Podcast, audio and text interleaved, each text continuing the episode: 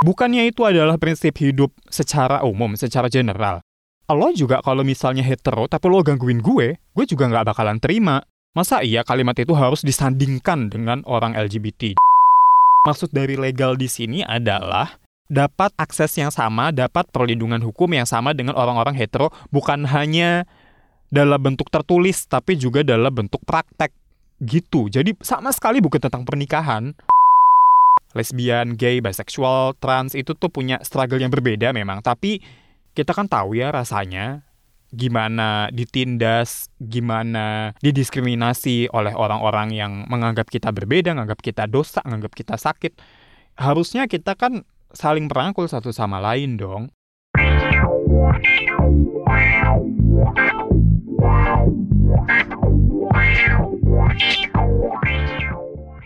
Halo, selamat datang dan selamat mendengarkan podcast Review SJW, sebuah podcast yang membahas isu sosial dan budaya, juga politik dan lingkungan yang ada di film, TV series, dan pop culture lainnya bersama gue, Budi Winawan. Berhubung bulan Juni ini diperingati sebagai Pride Month, jadi selama sebulan atau maksimal 4 episode, podcast Review SJW bakalan bahas film atau TV series yang bertemakan LGBT. Nah, Film pertama yang akan gue bahas ini judulnya The Death and Life of Marsha P. Johnson.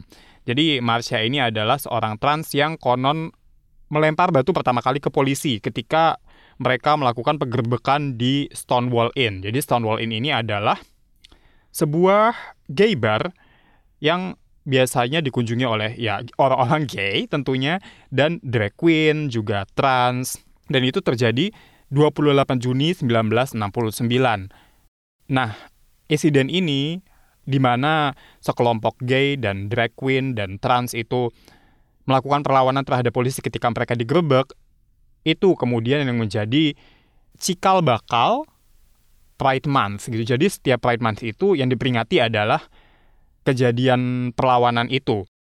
Pada zaman itu, pada tahun 50-an sampai 60-an akhir, dan sampai 70-an juga kalau nggak salah, polisi itu sering banget nyerang dan nangkepin orang-orang LGBT atau orang yang dandanan atau pakaiannya tanda kutip nggak sesuai dengan norma gender. Jadi misalnya kalau lo cowok terus lo kemudian pakai make up lalu berdandan seperti perempuan atau yang sebaliknya, tanpa landasan hukum yang jelas, polisi itu bisa nangkap lo dan menjebloskan lo ke penjara. Pada saat itu itu yang tergolong tanda kutip normal. Nah, makanya kemudian di tahun 1969 itu ketika terjadi penggerbekan dan penangkapan di gay mereka itu marah dan muak dan akhirnya memutuskan untuk fight back gitu kan. Tadi kan gue bilang Marsha ini konon ya yang melempar batu pertama kali. Gue sebut gue bilang konon karena uh, ya namanya protes yang namanya aksi perlawanan itu kan ramai dan gak jelas banget. Nah dari artikel yang gue baca itu ada orang yang ngaku melihat bahwa Marsha yang pertama kali melempar batu ke polisi sebagai aksi perlawanan, sebagai bentuk perlawanan. Tapi ada juga yang bilang bahwa Marsha itu datangnya agak-agak belakangan gitu, bukan ketika aksi itu dimulai. Tapi cuman yang jelas, terlepas dari apakah benar Marsha itu yang melempar batu pertama kali ke polisi sebagai bentuk perlawanan, Marsha ini tetap adalah sosok yang ikonik karena dia adalah orang yang super, terus menolong teman-teman gay dan trans yang bingung, diusir dari rumah, nggak ada tempat tinggal. Dia juga very social dan welcoming sekali. Dan yang paling gue inget ketika nonton film ini adalah dia orang yang outspoken. Jadi pernah ketika dia diwawancara di TV, dia ditanyakan bagaimana uh, identitas lo atau bagaimana lo menjadi seorang aktivis ini kemudian mempengaruhi kerjaan lo gitu. Terus dia jawabnya, Darling, I don't have a job. I have no intention of getting a job as long as this country discriminates against homosexuals. Jadi kalau misalnya gue translate nih, dia itu bahkan gak kepikiran untuk nyari kerja selama negaranya yang adalah US masih mendiskriminasi orang-orang homoseksual. Tapi sayangnya, si Marsha ini ditemukan tewas 6 Juli 1992. Menurut laporan, dia itu bunuh diri, tapi cuma banyak kejanggalan dalam kasusnya itu dan nggak diproses lebih lanjut. Bukan cuma sampai film ini available di Netflix ya, which is tahun berapa gitu gue lupa udah lumayan lama. Tapi juga sampai sekarang, jadi sampai sekarang itu nggak ketahuan penyebab jelasnya apa. Well, dugaannya sih dari orang-orang yang menelusuri kasusnya dia, dari orang-orang yang diwawancarai, dia itu dibunuh, cuman pelakunya nggak tahu siapa dan bagaimana cara pelaku itu membunuh Marsha itu juga nggak jelas.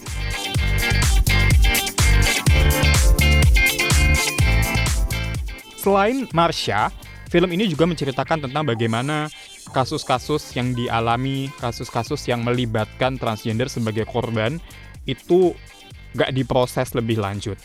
Marsha ini aktivis ya, Marsha itu terkenal gitu, sosok uh, public figure. Tapi itu aja kasusnya mandek gitu. Apalagi ya trans yang dia ini tanda kutip bukan siapa-siapa.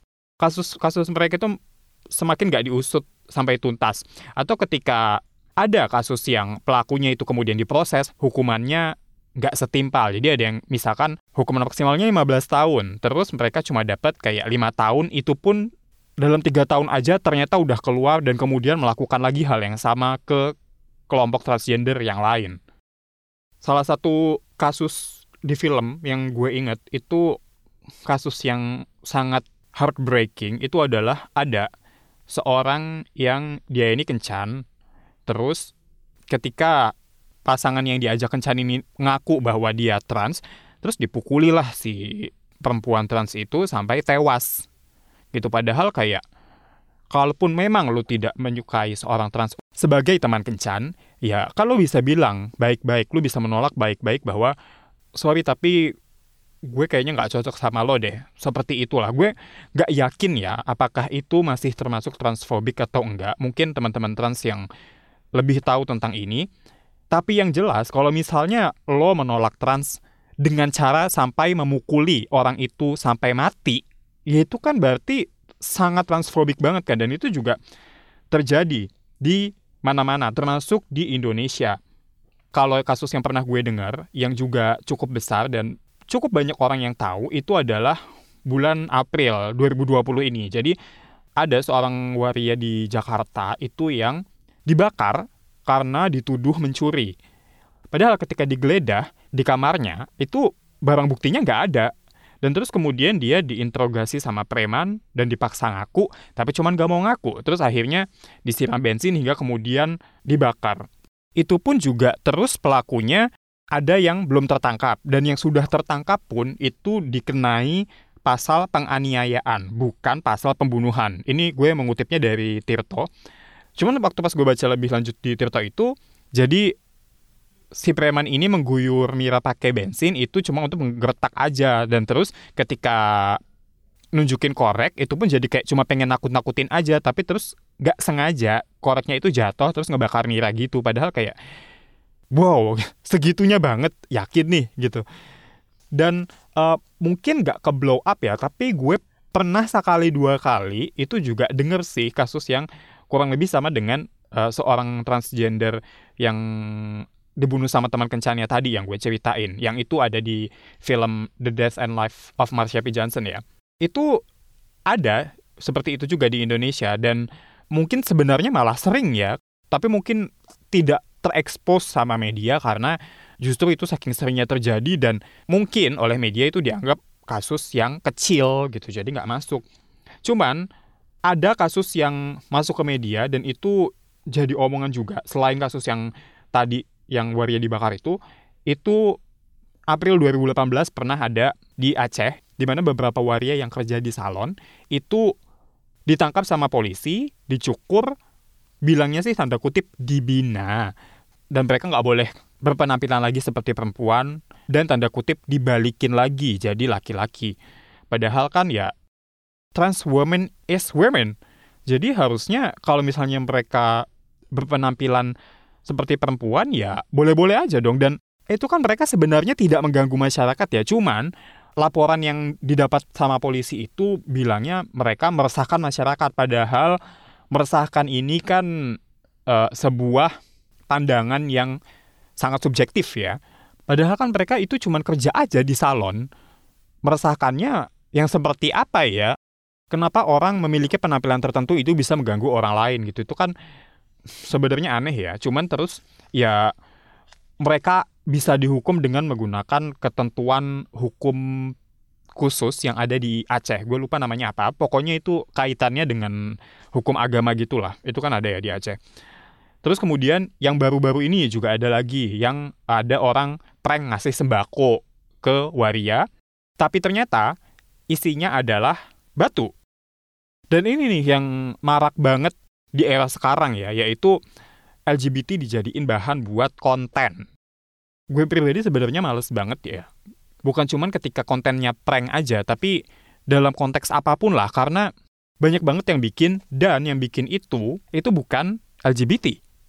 Jadi mereka kebanyakan, kalau dari yang gue dengar, itu pada akhirnya salah cara menyampaikannya. Misalnya kayak yang terakhir gue dengar, gue nggak mau sebut ya siapa yang bikin kontennya, itu ada orang membacakan cerita dari seorang gay bahwa seorang gay ini, hmm, sebut aja bunga lah ya, uh, si mas bunga ini bilang bahwa oh gay itu intinya cuman seks seks seks aja nggak ada yang bisa diharapkan ketika kalau misalnya nanti berhubungan romantis dengan sesama laki-laki gitu which is mungkin itu pengalaman dia iya tapi cuman kalau misalnya kita hanya membacakan pengalaman dia doang jadinya itu bisa misleading Terus kemudian di kolom komentar orang ini yang bikin konten kayak nyenggol seorang dokter, mention terus nanya kalau gini kira-kira gimana. Dan dokternya itu bilang bahwa wah itu sih termasuk kelainan orientasi seksual. Padahal kalau misalnya ini dokter tuh bener-bener legit gitu belajarnya, atau nggak usah legit-legit banget deh, cukup a little bit open-minded aja karena di googling juga bisa kok bahwa dari uh, pedoman gangguan kejiwaan yang itu jadi kitab sucinya para psikolog di Indonesia atau dari kitab sucinya psikolog di dunia yang udah disetujui juga oleh WHO, orientasi seksual itu bukan termasuk penyakit. Kalaupun ada gangguan mental yang timbul dari orang-orang LGBT itu karena ya dari masyarakatnya duluan yang membenci kita-kita ini. Makanya kita juga jadi susah untuk uh, mencintai diri sendiri kan karena begitu kita lahir, taunya kita ini, misalkan gue nih laki-laki, taunya gue ini harusnya berpasangan dengan perempuan. Dan kalau gue berpasangan dengan laki-laki, itu tadinya gue tidak normal, itu artinya gue dosa, itu artinya gue sakit. Jadinya susah untuk sayang sama diri sendiri. Jadinya kayak karena lingkungan masyarakatnya itu mikir hetero adalah suatu hal yang normal, kemudian beberapa dari kami itu banyak yang mengamini hal tersebut, terus kami jadinya masih banyak yang berharap bahwa pengennya sih ikutin aturan-aturan itu, pengennya sih jadi hetero. Tapi dari dalam diri kami, kami bukan hetero gimana dong? Padahal kan ya, sebenarnya kan nggak begitu bahwa tanda kutip yang normal itu kan bukan hanya hetero, bahwa homoseksualitas, biseksualitas itu juga adalah sesuatu hal yang alami, bahwa itu adalah hanyalah varian lain dari orientasi seksual dan itu normal-normal saja. Tapi cuman kan banyak di antara kami karena lingkungannya yang sudah cenderung homofobik dan terlalu heteronormatif, banyak di antara kami yang jadi nggak bisa paham sampai ke sana gitu. Jadi kami mengamini bahwa ya benar adalah menjadi heteroseksual. Dan kemudian jadinya ya konflik batin terus-terusan aja karena ya gimana dong dari dalam hati beberapa di antara kami, kami homoseksual, nggak bisa berubah gitu loh. Jadinya ya konflik batin itu terus-menerus terjadi dan kami pun sulit menerima diri kami sendiri. Terutama lagi kalau misalnya sampai disiksa sama keluarga misalnya, dibatasi keluar rumah, sampai dikurung di rumah, sampai kalau misalnya masih pelajar nggak dikasih duit lagi, dikontrol semua pergerakannya. Nah itu kan juga jadi menyebabkan kami bisa depresi banget. Terus kembali lagi dalam hal LGBT dijadiin konten yang sering gue temui itu adalah pertanyaan-pertanyaan atau pernyataan-pernyataan yang itu aneh tapi sebenarnya cukup bisa dimaklumi karena kan ya masih banyak orang yang belum tahu tentang homoseksualitas. Cuman ya gitu, maksud gue adalah kalau misalnya nggak tahu-tahu amat, ya jangan ngebahas. Atau riset lebih jauh lagi. Terutama kalau lo adalah seorang hetero dan atau cisgender. Atau kalau perlu sekalian aja undang orang yang gay, orang yang lesbian, orang yang bisexual, orang yang trans yang bener-bener tahu ya tentang diri mereka sendiri. Dan kalau misalnya lo mendengar atau lo punya anggapan tentang LGBT itu gimana, coba pertanyakan ulang itu. Jadi pernah salah satu hal yang mungkin menurut kalian kecil itu adalah pernyataan, oh gue sih nggak apa-apa ya kalau misalnya ada orang gay di sekitar gue atau sebagai teman gue asal nggak ganggu gue aja. Nah, kalimat yang itu tuh yang asal nggak ganggu gue aja, itu tuh kayak coba deh lo pikir lagi. Bukannya itu adalah prinsip hidup secara umum, secara general. Lo juga kalau misalnya hetero tapi lo gangguin gue, gue juga nggak bakalan terima. Masa iya kalimat itu harus disandingkan dengan orang LGBT? Jadi kayak, oh kalau misalnya dia LGBT sih nggak apa-apa asal nggak ganggu gue. Seolah-olah asumsinya adalah by default orang-orang LGBT itu sukanya gangguin orang gitu. Padahal kan nggak gitu. Kenapa lo harus berasumsi kayak gitu? Terus uh, ada lagi narasinya itu kayak lo setuju nggak LGBT dilegalin? Maksudnya kenapa pertanyaannya harus kayak gitu? Padahal harusnya itu nggak dipertanyakan lagi nggak sih? Karena kalau menurut gue ya harus dong LGBT harus dilegalkan dan ini bukan soal pernikahan ya. Ini adalah soal hak hidup dan mendapat akses yang sama. Jadi misalnya kayak uh, beberapa teman-teman trans itu kan susah mendapatkan identitas kayak KTP gitu. Banyak teman-teman waria yang gue dengar itu tidak punya KTP karena akses dapetin KTP-nya itu sulit. Atau kayak tadi si Mira pelaku yang membakar dia itu dikenai pasal penganiayaan, bukan pembunuhan. Atau teman-teman LGBT lain yang dikeluarkan dari tempat kerjanya hanya karena identitas diri mereka. Misalnya kayak, oh gue ketahuan gay ini di kantor, terus kemudian gue dikeluarin hanya karena gue gay. Atau kayak waktu pas uh, kejadian penggerbekan di Atlantis itu gue dengar cerita ada orang yang pacarnya itu jadi dancer di sana. Terus dia ketahuan lah sama kantornya bahwa dia berpacaran dengan laki-laki ini dan terus dikeluarin dari kantornya. Itu kan personal gitu. Dia mau pacaran sama siapa itu personal. Terus kenapa ini jadi dipermasalahkan di kantor terus dia jadi di PHK? Dia juga nggak ngumumin itu kok. Emang dasarnya kantornya kepo aja terus akhirnya mecat ini orang. Itu loh yang masih belum dapet di kita, belum dapet perlindungan hukum yang sama gitu. Jadi maksud dari legal di sini adalah dapat akses yang sama, dapat perlindungan hukum yang sama dengan orang-orang hetero, bukan hanya dalam bentuk tertulis, tapi juga dalam bentuk praktek gitu. Jadi sama sekali bukan tentang pernikahan, sangat jauh dari hal itu.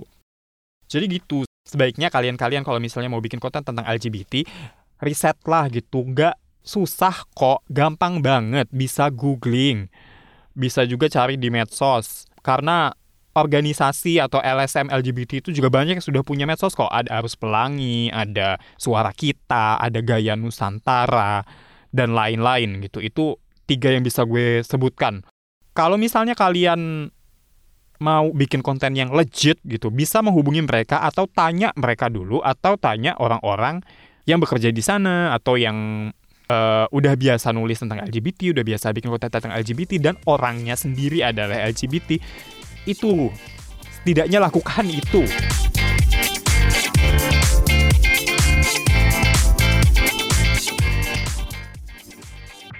Gitu. Oke, balik lagi ke transfobia.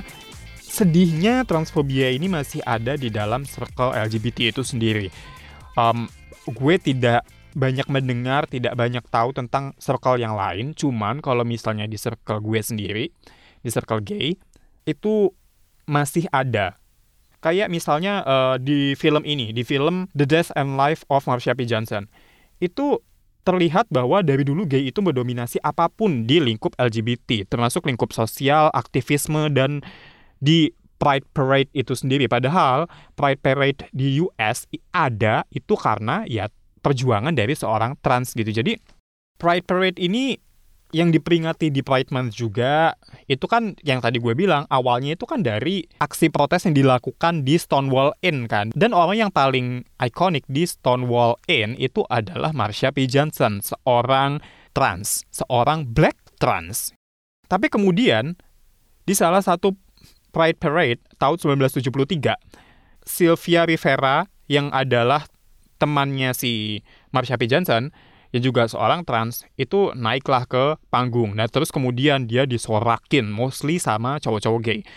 Dan cewek lesbian juga ada sih. Cuman suara teriakannya yang paling kenceng tuh, yang paling menonjol itu gue denger dari cowok-cowok gay kan. Padahal harusnya tahun itu Sylvia dan Marsha itu mimpin barisan Pride Parade di depan bersama dengan kelompok trans. Tapi cuman somehow mereka jadinya ada di belakang. Terus si Sylvia nggak terima lah, dia marahlah di depan panggung dan dia bilang bahwa Your gay brothers and sisters itu yang pada di penjara itu mereka nulisnya ke star ya, bukan ke grup perempuan, bukan ke grup laki-laki. Gue tuh berjuang sampai kehilangan pekerjaan dan apartemen sementara lo tuh nggak ngapa-ngapain dan lo nyuruh gue ngumpet. Gila lo ya gitu kurang lebih kayak gitu. Dan itu sangat heartbreaking sekali buat gue ya karena mereka yang berusaha kelompok trans yang berusaha kelompok trans yang menjadi tempat untuk orang-orang pulang di saat itu di masa itu di Amerika tempat uh, yang menampung orang-orang yang kesulitan tapi malah mereka yang tersingkirkan By the way, star yang gue maksud itu tadi adalah Street Transvestite Action Revolutionaries.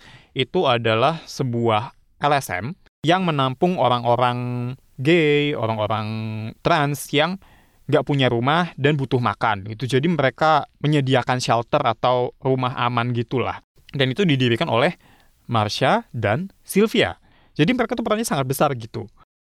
Nah kalau di Indonesia, di lingkungan gue setidaknya selama ini, gue sih jarang menemukan ya transfobia dari kelompok gay. Tapi ada. Jadi misalnya kayak being scared of waria for no reason, making fun of their body dan sebagainya. Misalnya kayak ada salah seorang di Twitter yang terus gue unfollow. Awalnya gue follow karena kontennya menarik dan dia lucu.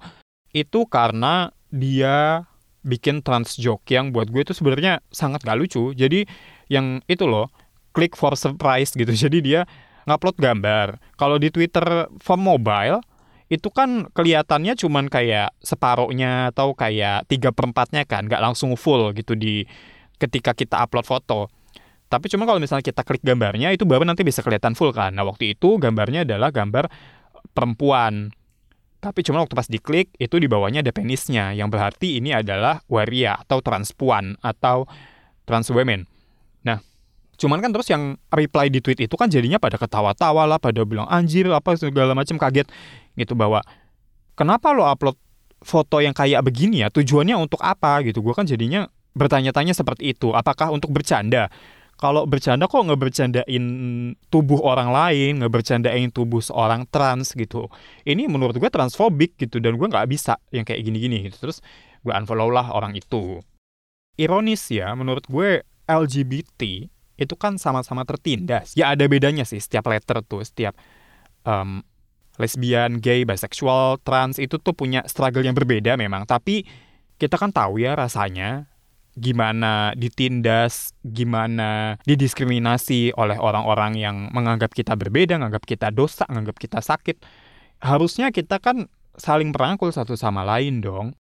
Nah untungnya belakangan ini selama masa pandemi ini gue melihat aksi merangkul itu ada. Jadi ada bantuan untuk waria yang dilakukan oleh QLC, ada Arus Pelangi juga, terus di Bandung ada di Bandung dan di Bali juga ada apa gitu namanya gue lupa.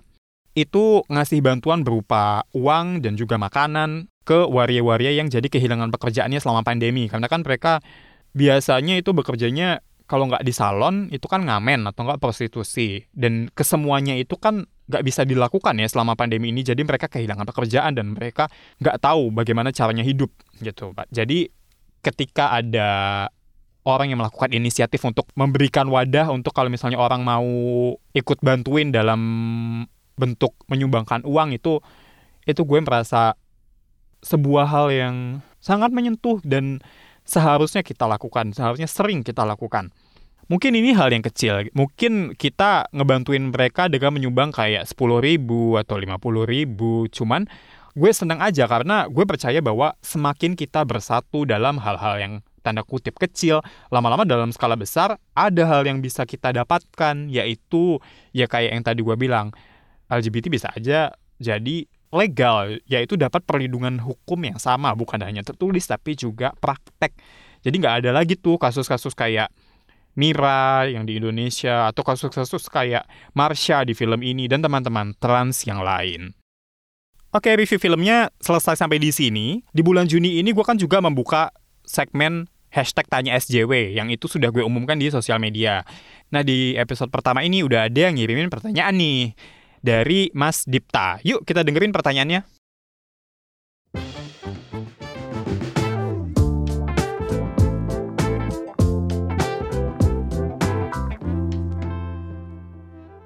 Halo, gue Pradipta Nugrahanto. Gue adalah seorang new media entusias dari Jakarta.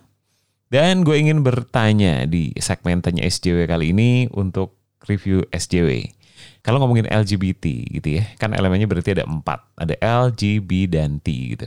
Tapi dari kebanyakan media di Indonesia, lu juga seorang pekerja media kan, uh, gue sih ngelihatnya itu kenapa yang paling banyak dapat highlight itu cuma yang G apa kabar L, B, dan T gitu. Kalau atau kalau ada elemen lain, kenapa?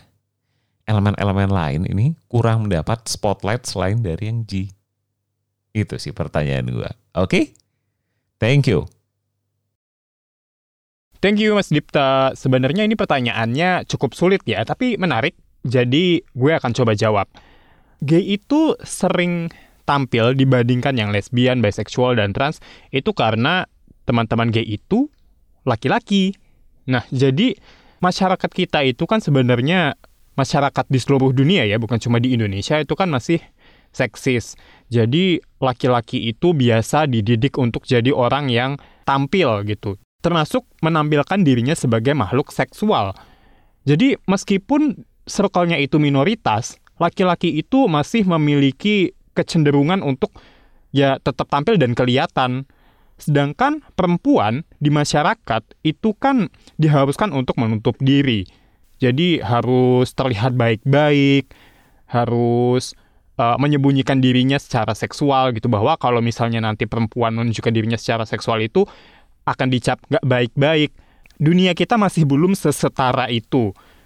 Terus juga televisi dan film itu kan juga masih dikuasai dan didominasi oleh laki-laki. Waktu pas Oscar aja itu kan si Emma Stone pernah bilang waktu sebelum membacakan nominasi Best Director, dia itu bilangnya kayak semacam so here's the all male nominees plus Greta Gerwig yang waktu itu masuk nominasi yang adalah dia perempuan, sutradara dari Lady Bird. Sebelumnya di ajang penghargaan lain di Golden Globe itu si Natalie Portman juga juga bilang hal yang sama. So here's the all male nominees. Awalnya gue pikir kayak kenapa mereka harus nyebutin itu ya kalau misalnya memang director yang bagus pada tahun itu emang laki-laki semua, ya mengapa tidak? Tapi di sisi lain masa iya sih satu aja perempuan gak ada di Golden Globe waktu itu ya dan di Oscar masa cuma satu doang. Nah setelah gue riset-riset dikit nih kecil-kecilan ternyata untuk di Oscar aja yang sudah berjalan lebih dari 90 tahun, perempuan itu cuma pernah masuk nominasi Best Director 5 kali doang dan menang satu kali doang. Dari 90 tahun lebih loh ya. Nah, karena akhirnya keterwakilan perempuan aja itu nggak ada, jadinya gimana caranya mau membawakan narasi lesbian, lesbian kan perempuan dengan perempuan. Dalam konteks romantis pula laki-laki nggak akan bisa membawakan itu dengan tepat dengan akurat.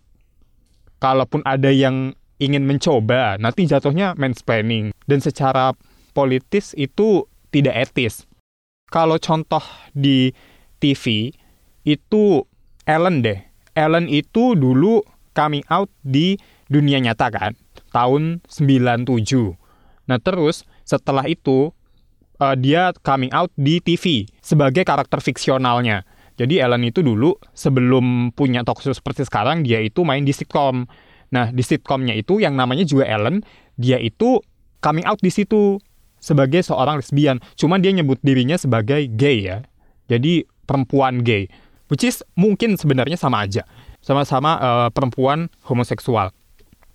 Nah itu jadi kontroversi kan dan episode sitkomnya, episode sitkom di mana si Ellen itu coming out, itu emang gede sih ratingnya, tapi cuman setelah itu episode-episode selanjutnya turun terus, turun terus hingga akhirnya cuman satu season setelah Ellen ini coming out, sitkomnya di cancel. Tapi terus itu kan si Ellen coming out tadi kan tahun 97. Tahun 98 ada TV series Will and Grace. Nah, tokoh Willnya ini dia itu gay. Memang sih diperankan oleh aktor yang straight, tapi ada karakter Jack di situ. Nah, si Jack ini itu dia juga tampil di semua episode, tapi karakter pendamping. Jack ini juga karakter gay dan aktornya juga gay. Dan itu Will and Grace itu bisa tayang sampai 8 season. Udah gitu masih lanjut pula 3 season. Jadi kayak reunian terus dilanjut lagi gitu loh. Well, lebih tepatnya remake sih karena Will and Grace yang season terbaru itu kayak menghapus cerita yang di season 8 episode-episode terakhirnya. Tapi intinya adalah ternyata cerita gay itu lebih diterima. I don't know how, I don't know why actually. Tapi cuman iklim perfilman, iklim pertelevisian dan iklim dunia ini in general itu masih tidak memberikan ruang yang cukup untuk perempuan. Terus kalau bisexual, mereka itu kan setahu gue itu kan hiding themselves ya dengan menjalani relasi heteroseksual karena mereka takut dituduh bingung dan atau serakah baik oleh hetero baik oleh homoseksual. Nah jadinya representasi cerita yang mau diangkat itu minim karena mereka nggak kelihatan. Nah kalau teman-teman trans itu kan malah yang setidaknya secara fisik, tanda kutip, paling terlihat dibandingkan teman-teman lesbian, gay, dan bisexual. Itu aja mereka udah mendapatkan kesulitan. Kayak tadi contohnya beberapa udah gue sebutin juga kan di review film The Death and Life of Marsha P. Johnson.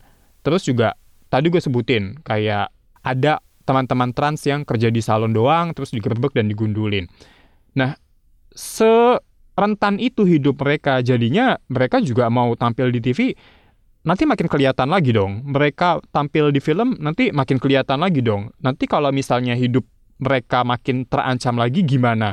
Nah, gitu kan. Makanya sangat minim representasi mereka di media. Sekali-kalinya ada jadi bahan ketawaan, which is it's a bad thing.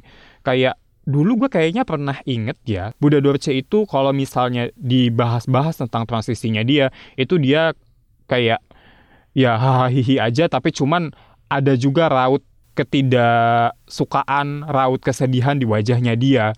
Dan kita sebagai penonton itu ketawa-tawa aja dia digituin. Padahal itu kan bukan hal yang baik gitu loh. Dan mungkin teman-teman trans yang melihat itu juga, eh gue nggak mau lah nanti tampil di TV cuman hanya untuk diketawain karena identitas gue gitu. Jadinya mereka takut. Cuman sekarang sih udah ada progresnya, kelihatan sedikit lah. Kayak di Netflix itu kan ada serial Sense8 dengan karakternya Nomi.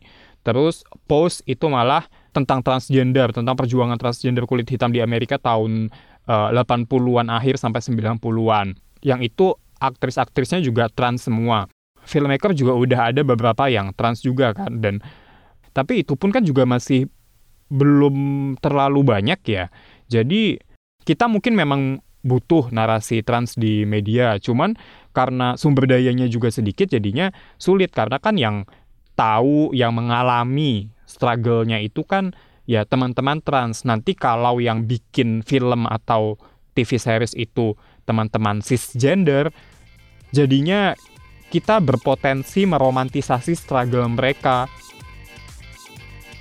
Jadi itu jawabannya Mas Dipta, mudah-mudahan berkenan, mudah-mudahan pendengar yang lain juga berkenan. Terima kasih sudah mendengarkan episode ini. Kalau misalnya ada kritik atas episode ini terutama dan juga ada saran, juga ada pertanyaan, silahkan sampaikan via media sosial, ada Twitter, at review underscore SJW, ada juga Instagram at review SJW.